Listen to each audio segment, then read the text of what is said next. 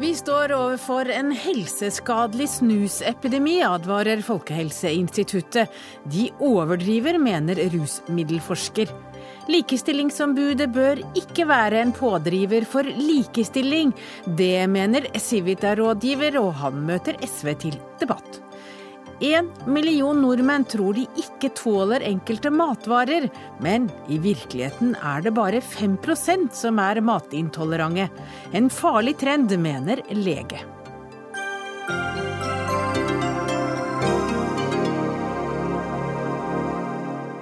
Velkommen til Dagsnytt 18. Jeg heter Hege Holm. Snusbruken i Norge er tredoblet i løpet av de siste fem årene. Og Folkehelseinstituttet advarer nå snusere mot kreft, diabetes, overvekt, dødfødsler og hjertedød. Camilla Stoltenberg, du er direktør i Folkehelseinstituttet, og du mener nå at vi står altså overfor det du kaller en snusepidemi. Eh, det, det høres jo veldig dramatisk ut? Det dramatiske er økningen i forbruket. I løpet av de fem siste årene som du sa, så er det en tredobling i forbruket. Og det er først og fremst blant yngre. Eh, så i dag så snuser da hver tredje unge mann mellom 16 og 24, og hver fjerde unge kvinne. Og hvordan var det for eh, la oss si sju år siden? Det var langt lavere tall, så det har vært en ganske bratt økning men, men, noe av problemet med snus er jo at eh, man har på en måte ikke fått noen bekreftelse på at det er farlig, men det har dere funnet ut nå? Det har man jo visst tidligere. Det vi har gjort nå, er å oppdatere den kunnskapen vi har om helserisiko, og uh, bruke det som er av tilgjengelige undersøkelser for å beskrive helserisikoen. Men det var jo mye, da. Kreft, diabetes, overvekt, dødfødsler og hjertedød. Ja, og det er vanskelig å måle hvor sterk effekten er, fordi det er vanskelig å undersøke helserisikoen ved snus. Det skyldes jo flere ting. Det skyldes at man ikke har holdt på med det så lenge, og så skyldes det at vi driver med det først og fremst i Norge og i Sverige. Og Det betyr at sammenlignet med røyking f.eks., som var utbredt over hele verden, eller er utbredt over hele verden, og som man har holdt på med i mange mange tiår, så er det mye vanskeligere å studere effektene. Men nå begynner det å bli sterkere og klarere holdepunkter for helserisiko. Rapporten konkluderer jo med at de som eh, tror snus ikke er skadelig for helsen, eh, de tar helt feil. Men, men hvorfor er det da noen som tror at det ikke er skadelig? Jeg vet ikke om det er noen som tror at det ikke er skadelig, men jeg syns det er mye som tyder på det. Fordi at det er så mange som begynner å snuse, og som åpenbart ikke tenker så mye over at det er en helserisiko. Men du sier fra 16, det er vel mange som begynner å snuse før de er 16? Ja, det er det, men de tallene jeg refererer til i dag, har tatt utgangspunkt i den aldersgruppen. Karl Erik Lund, du er forskningsleder ved Statens institutt for rusmiddelforskning, SIRUS. Og du mener at det ikke er snakk om noe snusepidemi, og du mener at rapporten er mangelfull. Det må du forklare. Jeg syns å bruke betegnelsen epidemi er å ta litt hardt i. Det, det konnoterer, eller det gir oss assosiasjoner til voldsomme sykdomsutbrudd med smitte som øker raskt og har stor utbredelse. Eh, jeg tror vel selv Folkehelseinstituttet ikke mener at følgeskadene av snusbruk har epidemiske proporsjoner. Det de kanskje sikter til, er at eh, atferden eh, etter hvert begynner å bli noe mer omfattende. Men verken vekstraten eller omfanget av snusbruk nå tilsvarer etter mitt skjønn det som kan karakteriseres som en epidemi. Det er en ganske vanlig trendforløp, en, en, diffusjonskurve som følger den vanlige trendforløpet av sånne nyheter som kommer og sprer seg i befolkningen. Ja, det må Stoltenberg få lov å svare for. Det er veldig vanlig å bruke begrepet epidemi også på den måten at man beskriver f.eks. både atferd og eh, forhold som ikke har noe med smittsomme sykdommer å gjøre, på den måten når de øker så raskt i omfang. Og dere mener det er smittsomt blant unge også? At det er stadig flere Det er en grei måte å oppsummere den veldig raske økningen som vi har hatt i snusbruk blant unge, ja. Eller i befolkningen som helhet. Det er i dag over en halv million mennesker i Norge som bruker snus. Det er en veldig høy andel av befolkningen, og slik var det ikke for bare noen få år siden. Men du mener jo også at helseskaden overdrives, du? Nei, altså jeg, jeg, mener at eh, helseskadene på snusbruk må ses, eh, sammenlignes med helseskadene ved røyking, som er alternativet. Dette er substitusjonsgoder. Eh, de har mange av de samme fysiologiske virkningene, de har mye av det samme symbolinnholdet, samme psykologiske virkningene, og fremfor alt, de rekrutterer fra samme kundegrunnlag. Dette er hovedsakelig vært røykere, frem til nå iallfall, som har begynt med snus. Og så har vi eh, den situasjonen nå at røykerne er gedigent misinformert om helseskadene, helseforskjellene mellom snus og, og, og, røyking. For de tror altså at snus er mye farligere enn det det er når de sammenligner med røyking. Så eh, denne voldsomme rapporten som nå kommer fra Folkehelseinstituttet, når den ikke tar med dette perspektivet og sammenligner med, med, med, røyking, så er jeg redd for at røykerne her fryses fast i sine livsfarlige røykevaner og ikke gis eh, et motiv til et skadereduserende inntak av nikotin. Vi har tross alt 200 000 det vi kaller for uhelbredelige nikotinister. Eh, disse er veldig vanskelig å bevege med, selv om vi intensiverer de tradisjonelle virkemidlene. Og de har andre hjelpebehov, og for de kan da snus være et skadereduserende middel for inntak av nikotin. Jeg er helt enig i at snus kan være skadereduserende for folk som er avhengige og har vanskeligheter med å slutte å røyke. Men det vi ser nå er en generasjon som begynner å snuse, og som ikke nødvendigvis ville begynt å røyke. De begynner rett på snus, og man har nivåer av røykeavhengighet i andre land som ikke bruker snus, som er på lignende det vi har i Norge. Og det betyr at vi ser et nytt fenomen, og vårt inntrykk er ikke at eh, skadene ved snus er overdrevet, men heller at de har kommet veldig dårlig fram. Og at det er viktig å få fram helserisikoen ved snus uten å sammenligne med tobakk, fordi, eller tobakksrøyking, fordi at tobakksrøyking da vil overskygge skadene ved snus. Men de har faktisk egen helserisiko. Men, men bl.a. ved svangerskap er snus farlig. Eh, er det like farlig som å røyke? Jeg må jo spørre. Det, vi har ikke gode nok mål for hvor farlig snus er. Det som er Poenget i denne sammenhengen er at det er farlig. og Når så mange unge kvinner snuser, så vil det også sannsynligvis bli langt flere gravide som har problemer med å slutte å snuse. Jeg tror de fleste gjerne vil slutte når de blir gravide, men det er ikke sikkert de klarer det. Og spesielt hvis de da ikke er informert om helserisikoen, så kan de også kanskje tenke at det ikke er så viktig å slutte. Derfor er det viktig å få fram den effekten av snusbruk i seg selv på helse.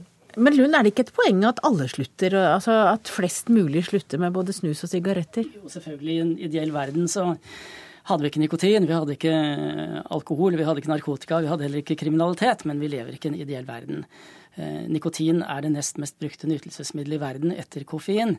Og det er vel eh, åpenbare grunner til at folk ønsker å bruke det. Hadde det bare vært negative konsekvenser med inntak av nikotin, ja, så hadde jo ingen brukt det.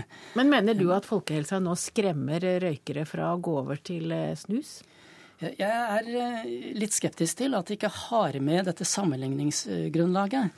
Og jeg mener også folkehelsa nå misinformerer litt om hvilken innvirkning snus faktisk har hatt på røykemønsteret i Norge. Dette har vi studert i over ti år på Sirius, og vi har masse kunnskap. Og vi ser jo da at eh, tilgjengeligheten til snus bidrar til å redusere røykingen ganske mye, uten at vi dermed sier at snus er en tilstrekkelig eller nødvendig årsak til å redusere røykingen i et samfunn.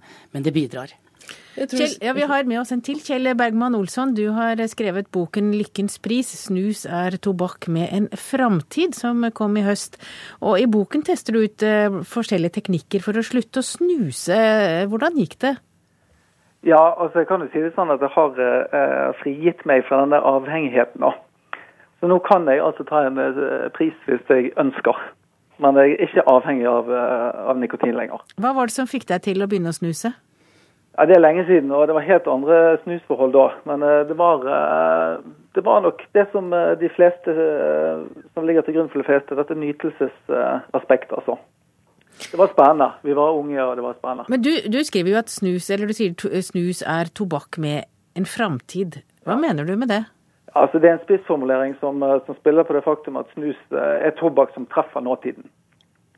I motsetning til, til røyketobakken som har dystert fremtidsbilde. Og når du ser også på de historiske perspektivene, så, så synes øyeblikksbildet som at snusen har en fremtid. Altså Det har bølget eh, gjennom historien. Eh, men eh, sånn som det er nå, med, med den økningen man har hatt, selv om den har stagnert, så, så synes det som snusen har en fremtid, eller nytelsesmidler i en eller annen form. Og jeg tror det kommer til å være snus en stund. Og det er den du eh, gjerne vil eh, bare stoppe? Du vil bare vil... avskjære snusen fra å ha en framtid? Nei, det vi er opptatt av i denne sammenhengen, med denne rapporten, er bare å få fram helserisikoen ved snusbruk. Og å få formidlet at det er en helserisiko. Både for å få den dokumentert, men også fordi at vi mener at det er mye som tyder på at det ikke er særlig oppmerksomhet rundt det. Men kan du tenke deg på en eller annen måte å sette større advarsler på snusboksene enn det vi har i dag? Det har ikke vi gått inn på i det hele tatt, og jeg er ikke klar for å diskutere holder, det overhodet. Det er det andre som har en mye viktigere rolle i det. Det som er vår rolle, er å få fram hva helserisikoen er, og prøve til enhver tid å få den beste kunnskapen om det. Men, men, eh, Kjetil Bergman Olsen, hva er det ved snusen som gjør at det er blitt et sånn akseptert og et kulturelt fenomen? Det er jo både på idrettsbanen og i sosiale sammenhenger og veldig mye blant unge mennesker. Ja, altså det, det, er nok et bilde som består av, av mange faktorer med, med, utgangspunkt i nytelse. Det, det er et, en særpreg og identitet som er knyttet til snusen på eh, det visuelle uttrykket. Eh, det er kommet et stort utvalg. Man har eh, forskjellige størrelser, styrker og smaker. og man har også denne merkingen som dere snakket om nå. Altså to, Snusen er fortsatt merket med, med en kan advarsel. Altså den kan skade din helse. Og, og, eh, det er nok ikke kanskje den mest effektive måten å, å, å si at uh, snus i så fall er å få frem snusens uh, helsemessige effekter. Nå har vi i hvert fall gjort litt for å fortelle om eh, snusens eh, uheldige effekter på helsa. Takk til Camilla Stoltenberg, direktør i Folkehelseinstituttet, Karl Erik Lund, forskningsleder i Statens institutt for rusmiddelforskning, og forfatter Kjetil Bergman Olsson, som har skrevet 'Lykkens pris'. Snus er tobakk med en framtid.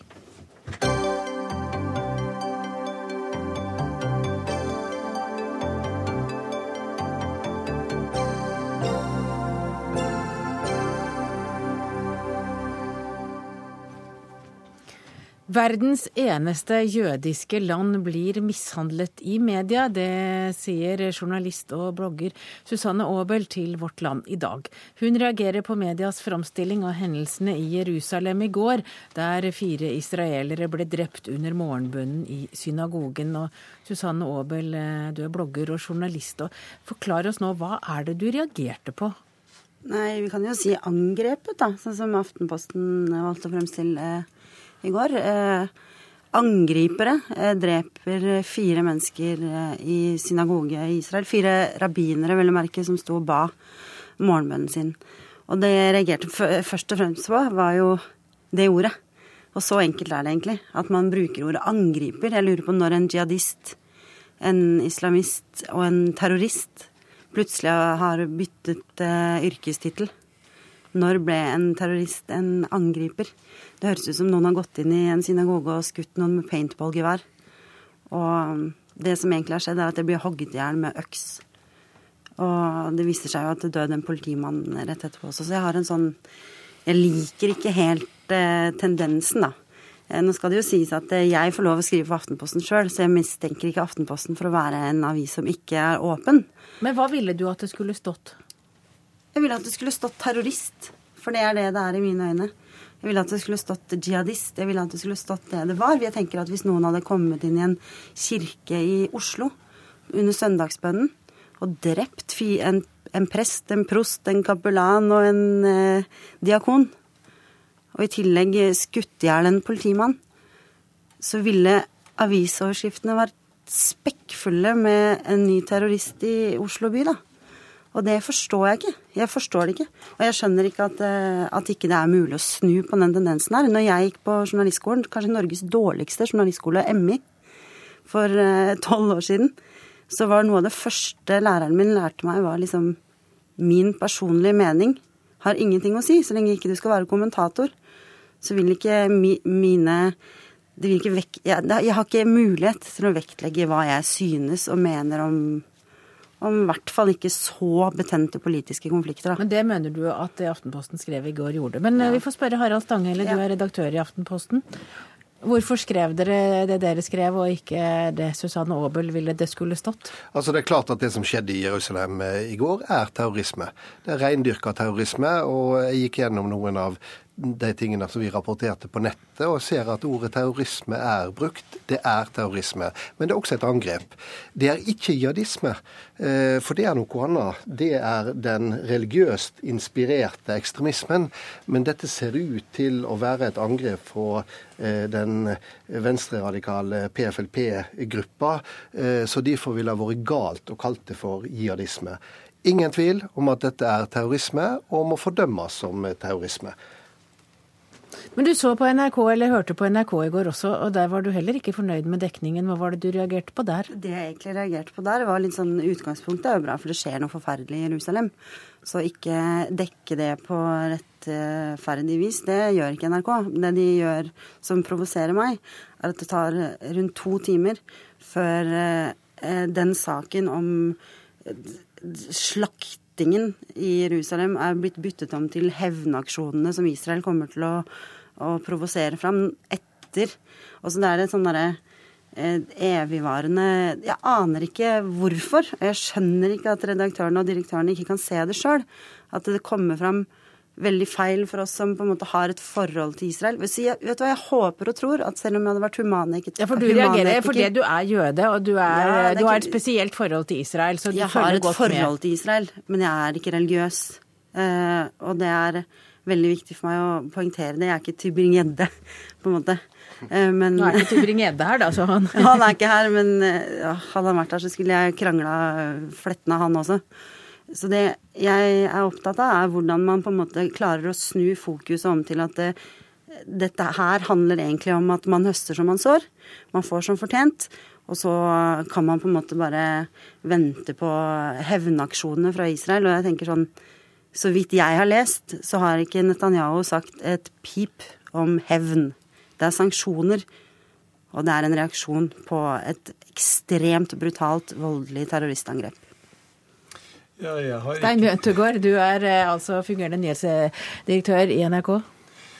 Jeg har ikke noe problem med å kalle dette for et eh, terrorangrep, og det gjorde vi også i hele går. Eh, og jeg syns det blir litt sånn spissfindig å gå løs på at vi etterlyste hevn. Det som skjer i Jerusalem nå, er jo at byen er veldig spent. Det er en voldsspiral som pågår, som selvfølgelig har en start et eller annet sted for mange år siden, og som har skutt fart etter Gaza-krigen.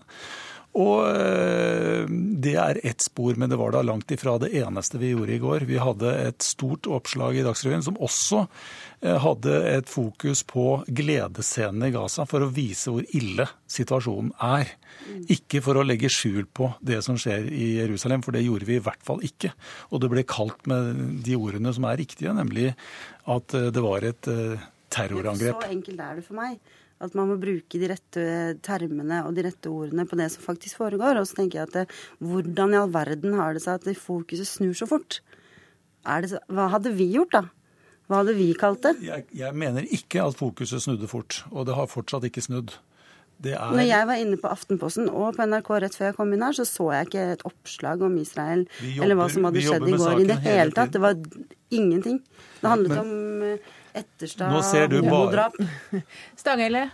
Ja, Du kan godt diskutere om vi burde hatt eh, det høyere på nettavisene lenger. Det er fullt mulig å diskutere hvordan vi redigerer eh, våre medier. Eh, men det jeg syns er naturlig når den type ting skjer, enten det skjer på palestinsk side eller på israelsk side, det er å spørre hva blir konsekvensen av dette. Det er for meg ganske god og innsiktsfull journalistikk. Og da er det også helt naturlig å se hva vil Israel svare med dette. Fordi at Israel har dessverre hatt en tendens til å svare med kollektiv avstraffing, noe som igjen øker spiralen. Jeg sitter ikke her og forlanger at du skal forsvare det. Det er ikke det dette dreier, Nei, så det er ikke det dette dreier seg om.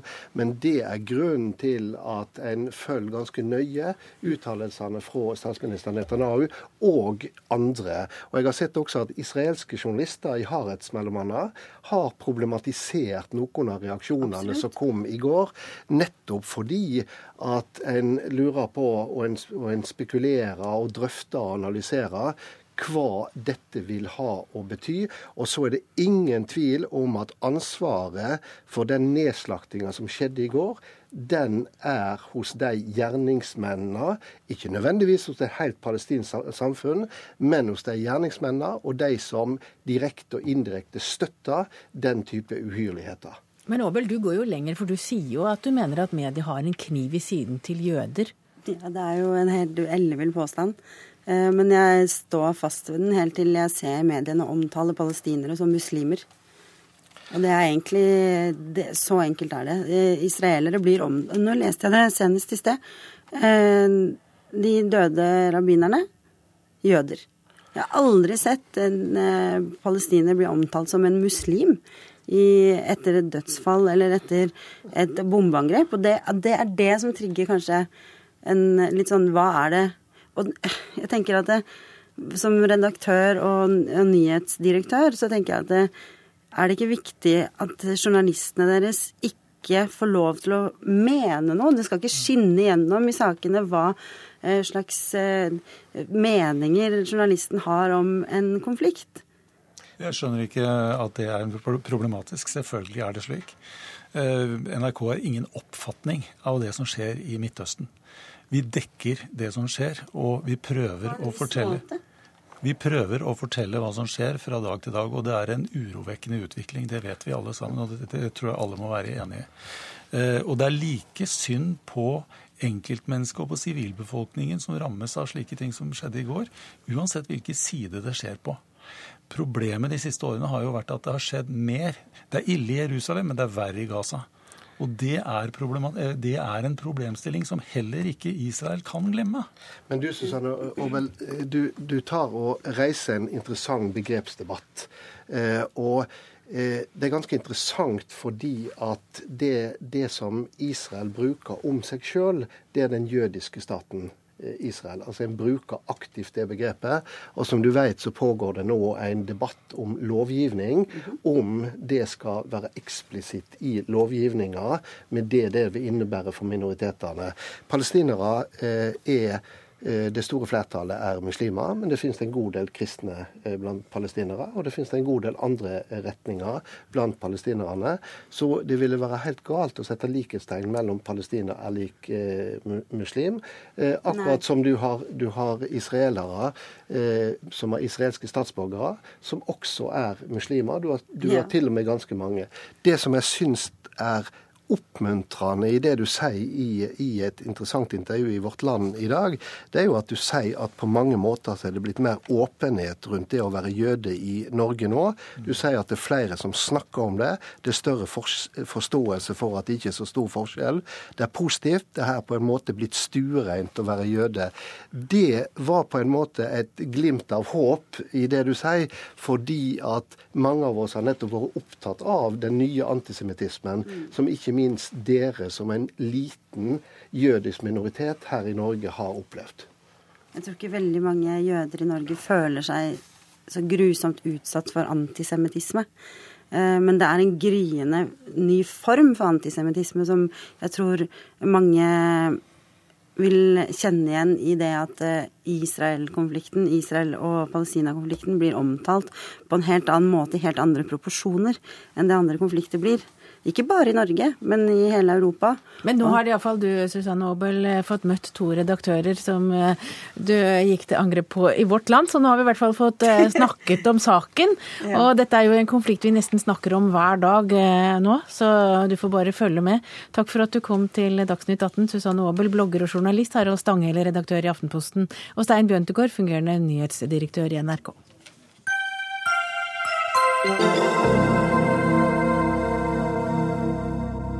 Det kan altså gå mot en løsning i budsjettforhandlingene mellom regjeringen og støttepartiene. I ettermiddag har stortingsgruppene til KrF og Venstre vurdert det Knut Arild Hareide kaller en helhet. Og politisk kommentator i NRK Lars Nehru Sand, hva er det som har skjedd? Hva er, det, hva er, det, som gjør at de nå plutselig nærmer seg hverandre? De fire partiene hadde et eh, ganske fruktbart eh, og delvis langvarig møte i går kveld, hvor diskusjonen også fortsatte litt i formiddagstimene i dag, før partiene gikk hver til sitt til gruppemøter nå i ettermiddag. Og de siste døgns utvikling da, kan vi si, har, har ført partiene eh, nærmere både hverandre, men også troen på det man kan se av, og ane av et utfall her, sånn at man, man ser lys i tunnelen, for å si det sånn.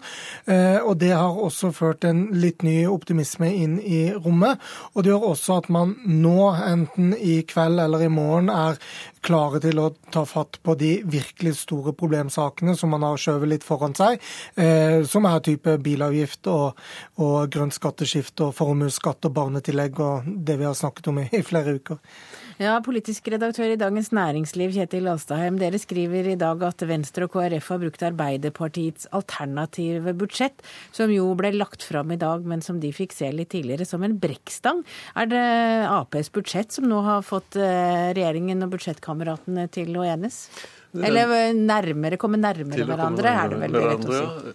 Det har, har bidratt at uh, Arbeiderpartiet har måtte, vist kortene sine. Fordi det blir litt eh, lettere for uh, bl.a. for Venstre da, på, når de vet hva Arbeiderpartiet kommer med. Fordi det de oppnår, på, særlig på f.eks. miljøområdet, vil bli målt opp mot hva de kunne oppnådd hvis de hadde gått til Arbeiderpartiet. Og Nå har Arbeiderpartiet vist kortene. Da kan eh, Venstre og KrF bruke det i forhandlingene eh, med Høyre og Fremskrittspartiet og si at eh, se her, det er jo et flertall i Stortinget her egentlig hvis vi samarbeider med Arbeiderpartiet.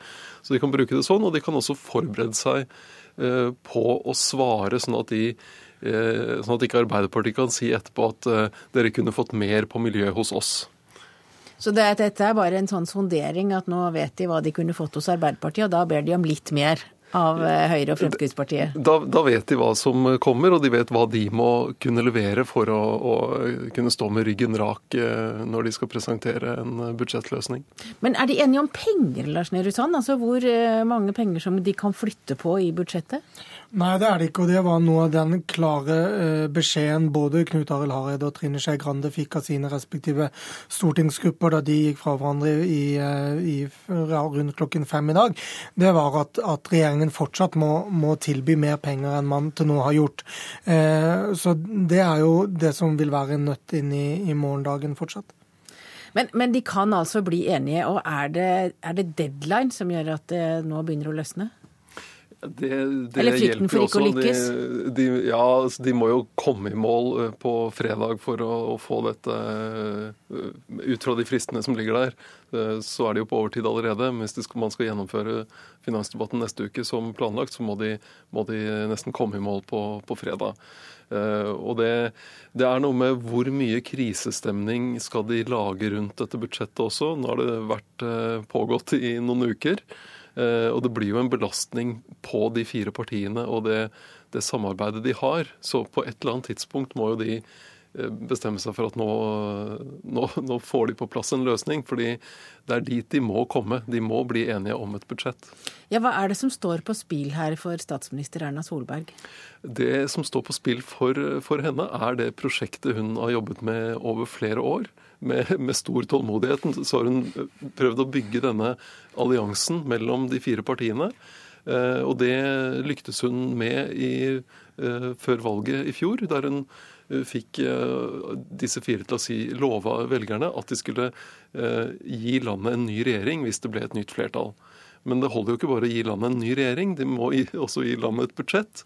Eh, sånn at det ville jo være en, en, kollektiv fiasko hvis de ikke greide å bli enige om et budsjett. Viser denne kampen som nå har pågått lenge, at det er en skjør allianse? Det viser først og fremst at det er en allianse hvor alle er mest interessert i å få mest ut av dette, ikke nødvendigvis å samarbeide, sånn som man ville vært i en, en flertall, en koalisjonsregjering med alle fire.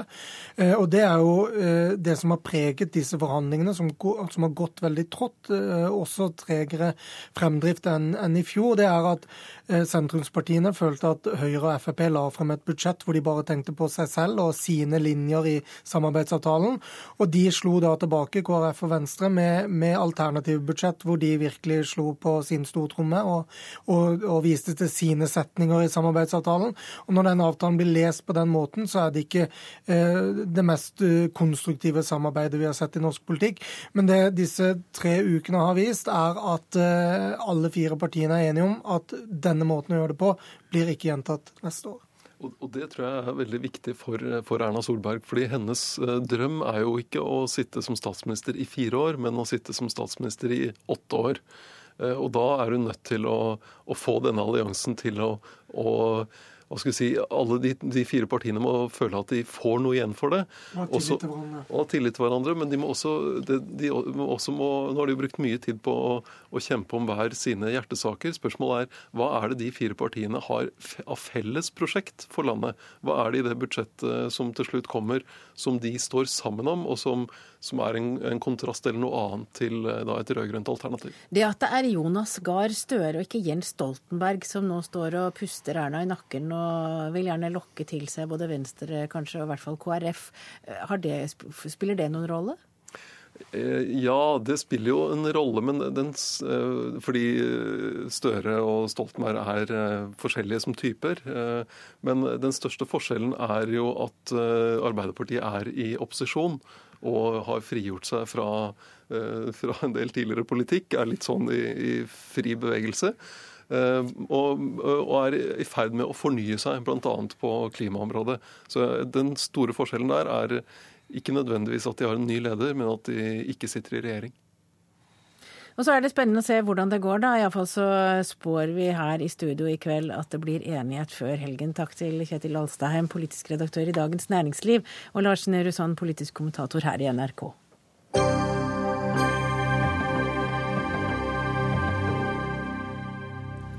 Det er trendy å være matintolerant. Særlig melk og mel er utsatt. Men før vi skal snakke om det, skal vi snakke om Likestillingsombudet. For Likestillingsombudet bør ikke være en pådriver for likestilling. Det mener du, Lars Gauden Kolbeinstveit fra Civita. Ombudet har i dag en todelt rolle hun eller han skal, være, skal, håndheve likestillingslovene, men også være en pådriver for likestillingspolitikk. Og det er det du ikke mener er en statlig oppgave, eller hva, Kolbeinstveit? Har jeg tolka deg riktig? Ja, det har du. Det, mitt poeng er at det, det er ikke en statlig oppgave å drive meningsproduksjon eller å være en pådriver for likestilling. Det syns jeg er prinsipielt galt, og jeg syns det ikke skal være en statlig oppgave å drive det. Det bør være en spesifikk sivil oppgave. altså det vil si at eh, mediene eller interesseorganisasjonene, borgerne eller andre som kan drive fram likestillingsdebatten i samfunnet. Og det ser vi jo at skjer i stor grad òg. Og jeg mener eh, at eh, det vil bli feil da at staten gjennom Likestillingsombudet en, tar stilling for bestemte syn og driver fram bestemte syn på eh, i en mangfoldig likestillingsdebatt. Er det noe konkret du tenker på?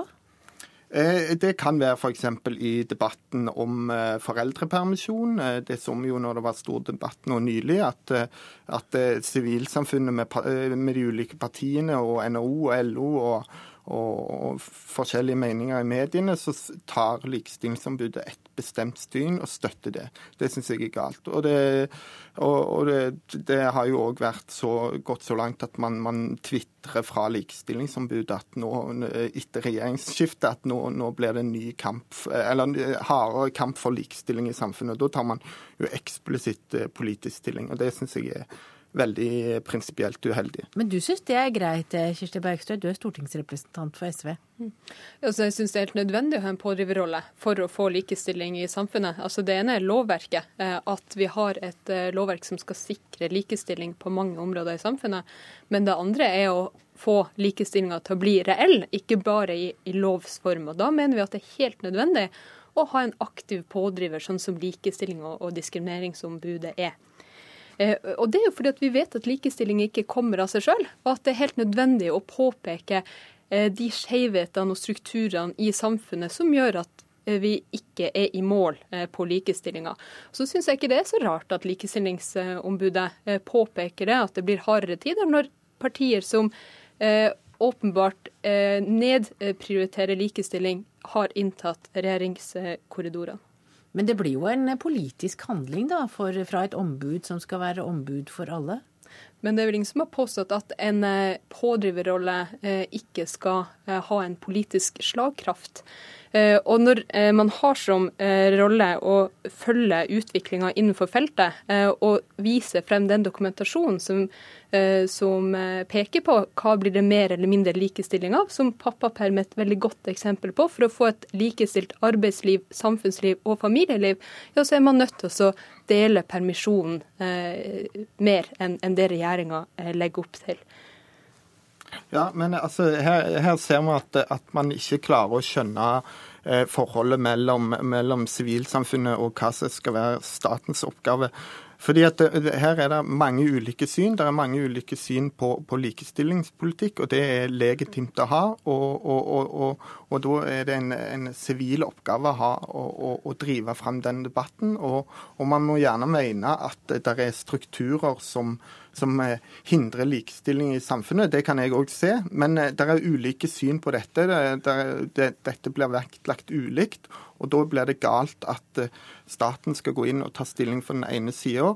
Eh, det blir prinsipielt galt, men òg i praksis er det jo galt. fordi man ser jo at likestillingsdebatten er, er veldig levende og fungerer veldig godt, helt uavhengig av eh, eh likestillingsombudet. Når, når, når, regjeringen nå eh, foreslår å redusere pappaperm, så blir det jo en massiv debatt, helt uavhengig av hva Likestillingsombudet foretar seg. Så dette trengs jo faktisk heller ikke i, hvis vi ser rent praktisk på det.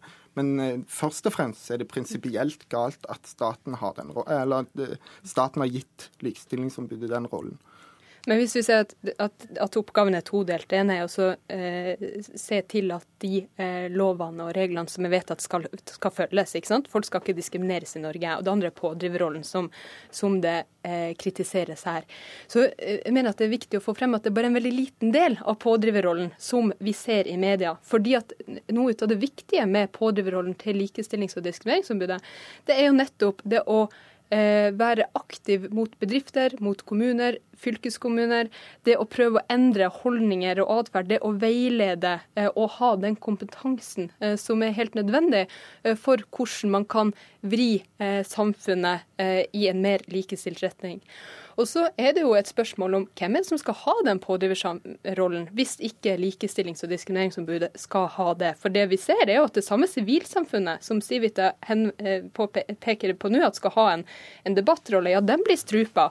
Og vi ser at de sentrene som finnes, de blir kutta på i budsjettene jo. Og de, de eh, sentrene som finnes i, i, forhold til likestilling, eh, som skal ivareta likestillingsarbeid, og som har en liten rolle i dag i forhold til å sikre likestilling i kommuner, i, i, i fylker og der folk bor, dem ser vi at har fått kutta de midlene. Eh, så her blir det litt sånn Jeg opplever at Sivit ønsker å trekke opp en debatt eh, der man prøver å så tvil om eh, Likestillingsombudet sin legitimitet ved å si at hun påpeker forhold som ikke Sivita enig i. mens man ikke eh, løfter frem alternativ til å ha en pådriverrolle. Hvis Civita kommer med et forslag om et eh, direktorat men, men, eller å bygge opp en annen struktur, så kan jeg gjerne ta den debatten, men her betyr det en rasering. Men Mener du at eh, det gjelder det samme for alle ombud? Forbrukerombud, barneombud? Ja, det, dette kan være et problem for andre ombud. Nå er jeg ikke så interessert i å diskutere det, men sånn som så Bjørgul Brånen i Klassekampen på, har jo påpekt det at det kan være et problem for andre ombud. og og, eller var et problem med Forbrukerrådet, som støtta denne tollgrenseforslaget fra regjeringen, og at det ikke nødvendigvis er i forbrukernes interesse.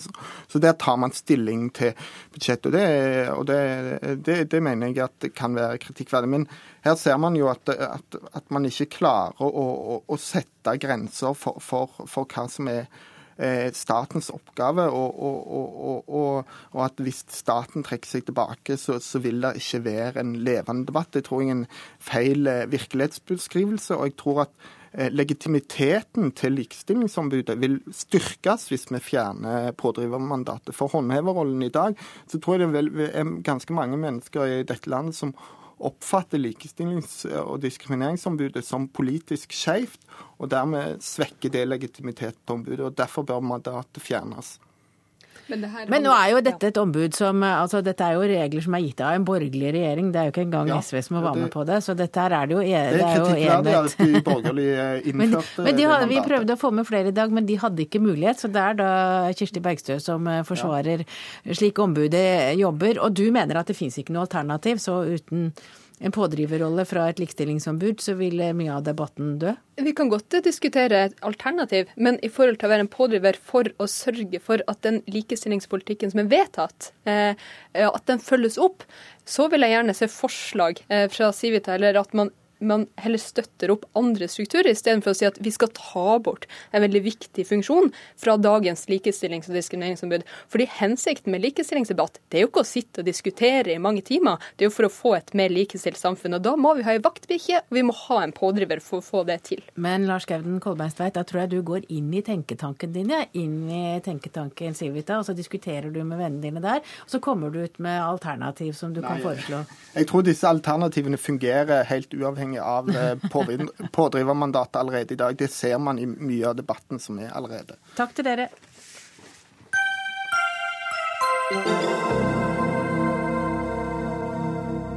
Da har vi kommet til allergiene og intoleransen.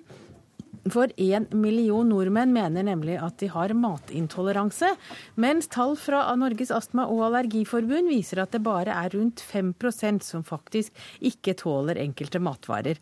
Og en av de som er bekymret over denne utviklingen, det er deg, Ida Berghauge. Du er til daglig leder i Opplysningskontoret for meieriprodukter. Og nå må du forklare hva det er du bekymrer deg over. Nei, Vi syns jo det er en utfordring da, at det er så mange som kutter hele matvaregrupper fordi det er trendy og moderne. Og Spesielt er vi bekymret for de unge jentene. Vi har gjort undersøkelser som viser at 17% av alle unge jenter sier at de kutter ut melk, f.eks. Mens det da i realiteten er kanskje 2-3% som har det vi kaller laktoseintoleranse. Og da kutter de ut alt. Og da kutter de ut alt. eh, Ja, veldig gjerne. eh, Ikke sant? alle Og I tillegg til at de ofte kanskje kutter kjøtt, og de kutter også mange andre. Og gluten er jo også veldig populært å kutte ut. Så vi mener jo det er en utfordring. Når man kutter eh, hele matvarer, så kan man jo da rett og slett få for lite av viktige næringsstoffer, da, hvis disse matvarene inneholder næringsstoffer vi trenger hver eneste dag. Men, men hvorfor gjør de det? Det er det at det er blitt litt trendy. altså At det er inn. Det er en, en måte å vise selvkontroll på. Det er en måte å vite på at jeg, jeg øh, kanskje slanker seg, at man liksom holder kroppen i form, at man føler seg vel ved å gjøre det. Og de blir nok i veldig stor grad påvirket av sosiale medier og hva som foregår av kostholdsdebatt der. Og der er det mange som mener at melk og, og glutenholdige matvarer er overflødig? Ja, Der er det et virvar av rådgivere og et virvar av eh, synspunkter i forhold til ikke bare det, men i veldig stor grad eh, melk og meieriprodukter. Men da kan jo dere i Opplysningskontoret for meieriprodukter kaste dere på sosiale medier og mene Ja, og det det, dere vi, mener? Vi prøver å følge med så godt vi kan, men vi prøver også å svare så godt vi kan. Men det er ikke lett, for det er en ekstremt stor debatt som foregår. Eh, Nesten på enhver kostholdsartikkel så kommer det utrolig mange synspunkter fra den ene eller den andre om forskjellige ting.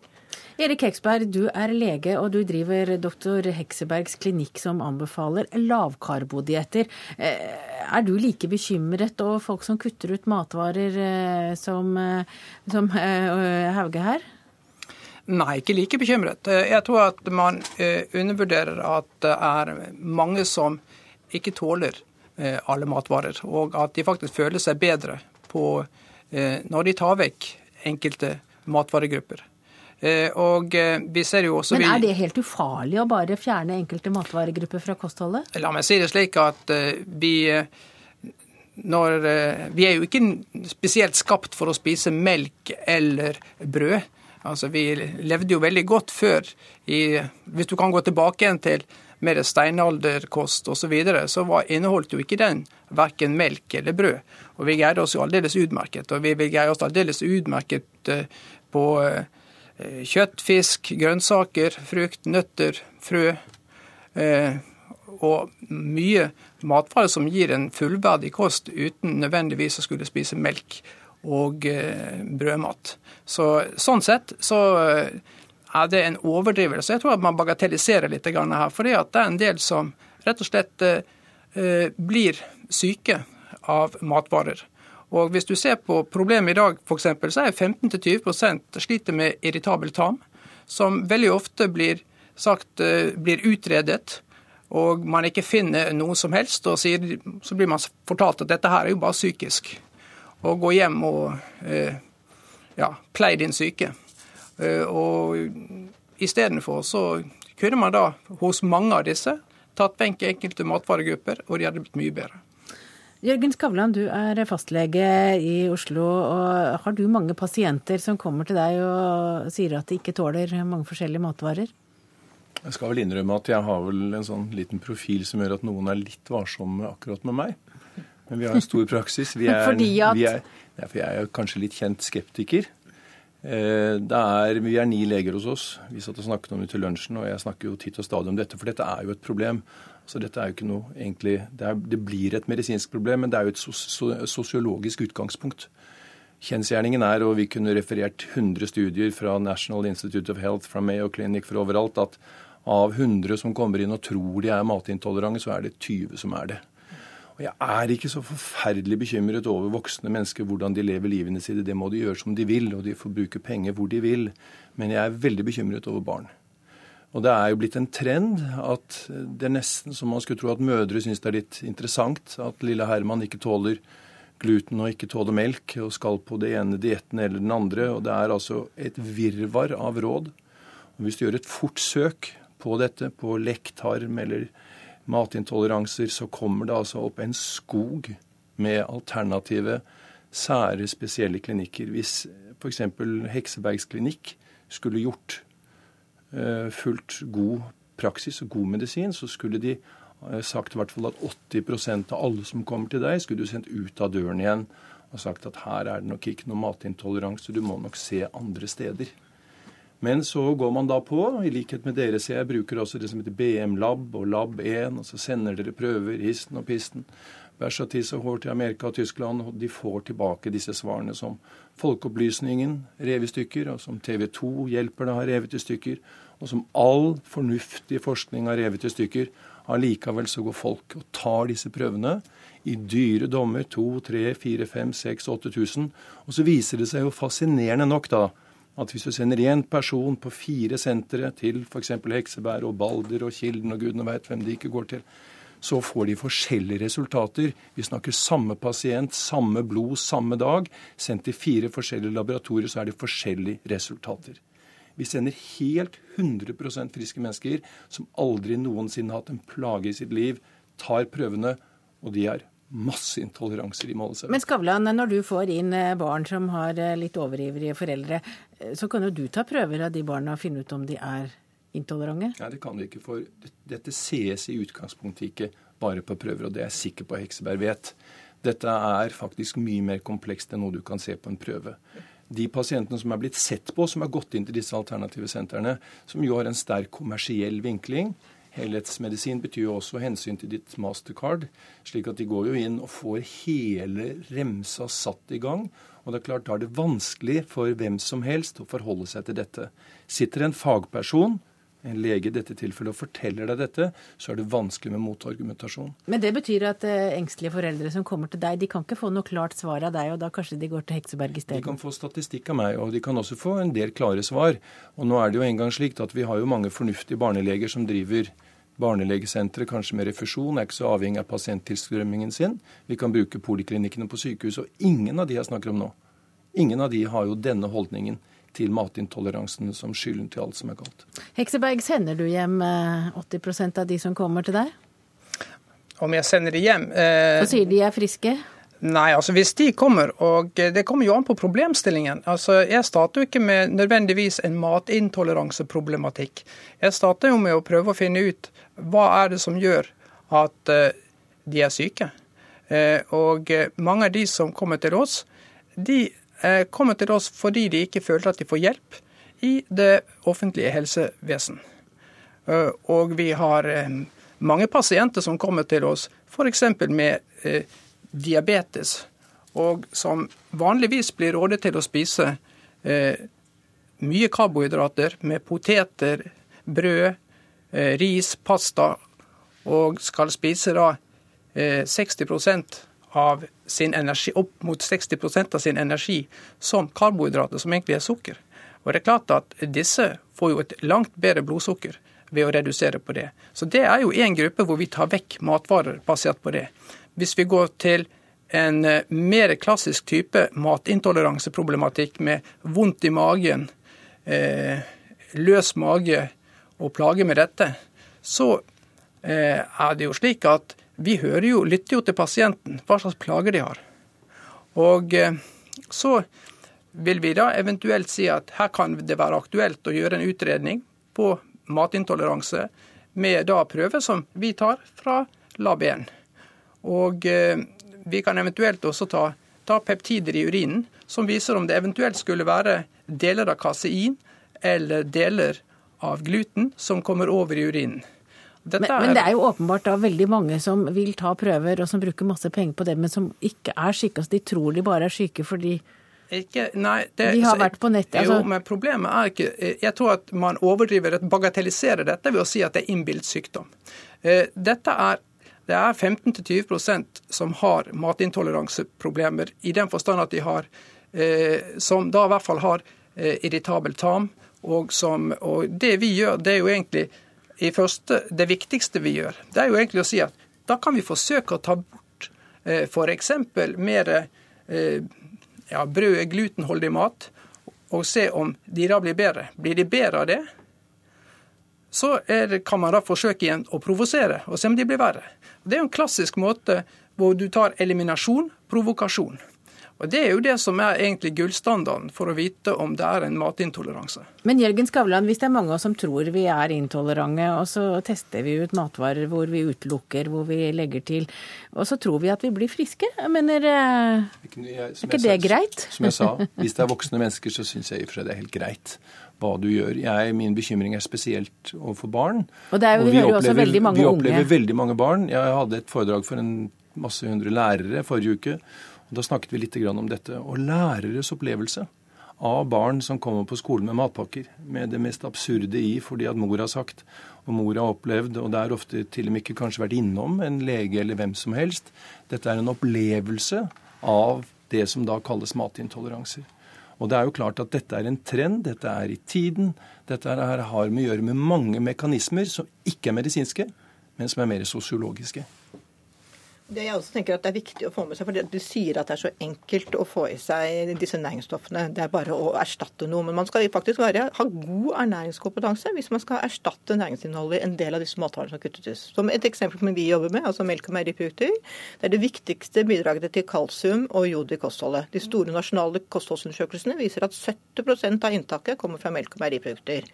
Hvis du da kutter det ut, så skal du være ekstremt bevisst på hvor mye mandler, hvor mye sesamfrø, hvor mye hvite bønner hvor mye grønnkål du skal spise hver eneste dag, som ofte er matvarer som folk vanligvis ikke spiser. Og de unge jentene har i hvert fall ikke greie på det. Takk til deg, Ida Berg Hauge, daglig leder i Opplysningskontoret for meieriprodukter, Erik Hekseberg, lege og driver av Heksebergs klinikk, og Jørgen Skavlan, eh, fastlege.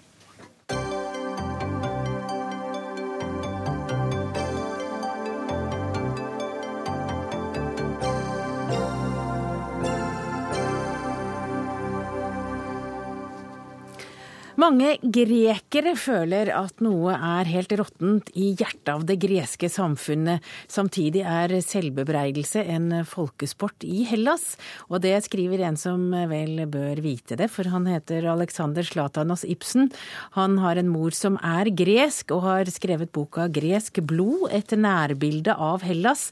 Og, og hvorfor har du gått inn i dette dypdykket i eh, landet til moren din, eh, Alexander Slatanos Ibsen? Jeg har jo alltid vært eh, interessert i Hellas siden jeg er halvt gresk. Eh, også nå ved krisen så hadde jeg også et påskudd for å eh, gjøre et dypere søk i min halve kultur, eller hva jeg skal si, en av de to kulturene jeg tilhører. Og, og, gjorde det. Og som du sier, det med råttent bare hør når du sier det, så vil jeg gjerne legge til. Det er også veldig mye flott med Hellas, og jeg håper de som leser boken, får med seg det, at det er også delvis en kjærlighetserklæring til Hellas. Eh, men det er Krisen har avdekket eh, at det er problemer der. Og det er ikke første gang det er problemer. Så jeg prøver å tegne opp dette bildet av et land med en, en vanskelig fortid og en krevende nåtid. Og Du skriver også om et annet begrep som man bruker eh, i Hellas, og bruker om krisen, eh, eller om hvorfor det er blitt krisen, nemlig at man har spist det sammen. Ja. Vi, vi spiste det sammen. Vi har spist det sammen. Det er, et, det er et uttrykk som tilhører en ganske farverik, eh, nylig avgått politiker, minister ved flere anledninger. Pangalos heter han.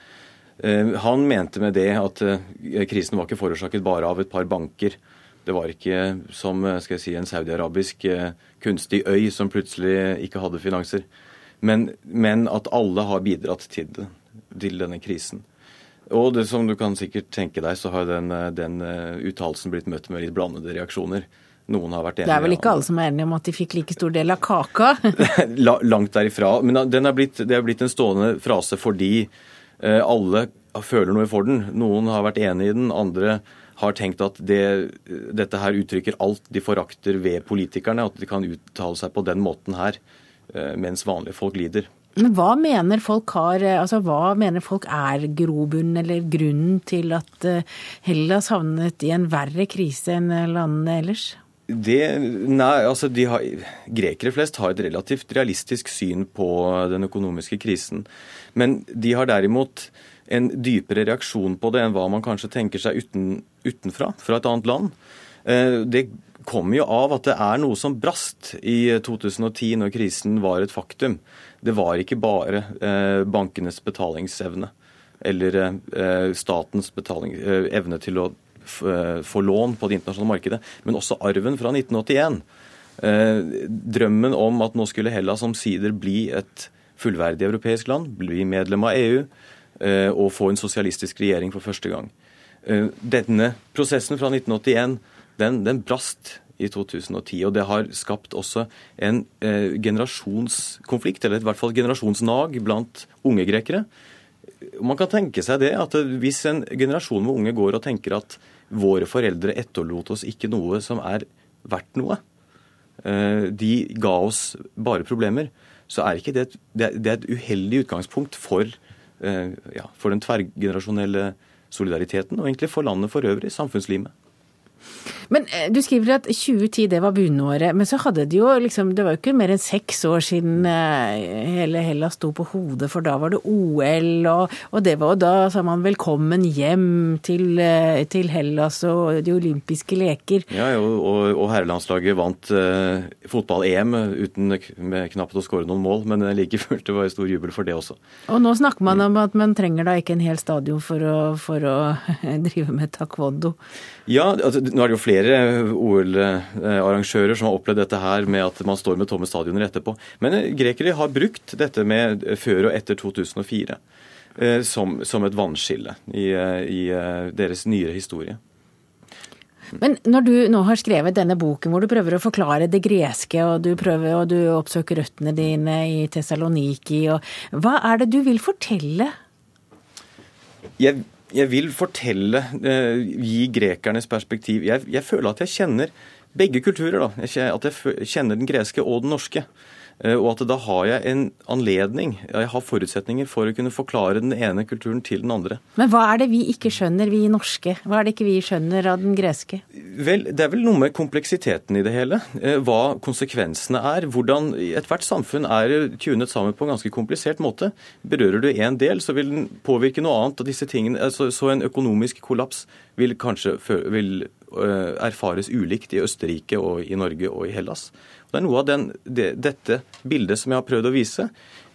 Motivasjonen for det er at jeg bryr meg veldig om Hellas. Og jeg tror at dette her er en gyllen anledning til å etterlate hos nordmenn et bilde at det er ikke bare et problematisk land, det er også et, en, et spesielt land og en unik kultur. Men da kan du jo i løpet av få sekunder fortelle hva du tror om Hellas sin framtid. Hellas sin framtid er sannsynligvis noe av det samme som det har vært dets fortid i nyere tid. For krise er ikke nytt i Hellas. Det er bare at denne gangen var den rent økonomisk i, i utgangspunktet og hadde et opphav i euroen. Men jeg tror noe av det samme kommer til å fortsette. Det er ikke første gang, eller unnskyld, det er verken første eller siste gang Hellas har problemer. Eh, og, og krisene vil sannsynligvis fortsette å forme det greske samfunnet, for det er en ganske dramatisk fortid, og det gjør at kulturen er spesiell, men også da levedyktig på sin egen måte. Og egentlig drømmer vi oss alle bak til, tilbake til den greske antikken. Ikke minst grekere. Og ikke minst grekere. Takk eh, for at du kunne komme, Alexander Slatanos Ibsen. Dagsnytt 18 er over. Ansvarlig for denne sendinga har vært Berit Ytrehus, Finn Lie og jeg heter Hege Holm, og vi høres igjen i morgen.